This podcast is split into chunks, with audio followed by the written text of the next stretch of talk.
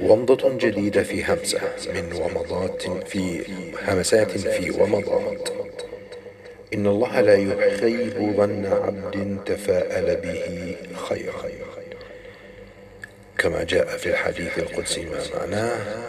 أنا عند ظن عبدي بي فلنحسن الظن بالله فهو بيده الخير وهو على كل شيء قدير. يوم سعيد رمضان. كريم. دمتم مبتسمين. مع تحيات. هذا علي الجعفري من قناة ومضات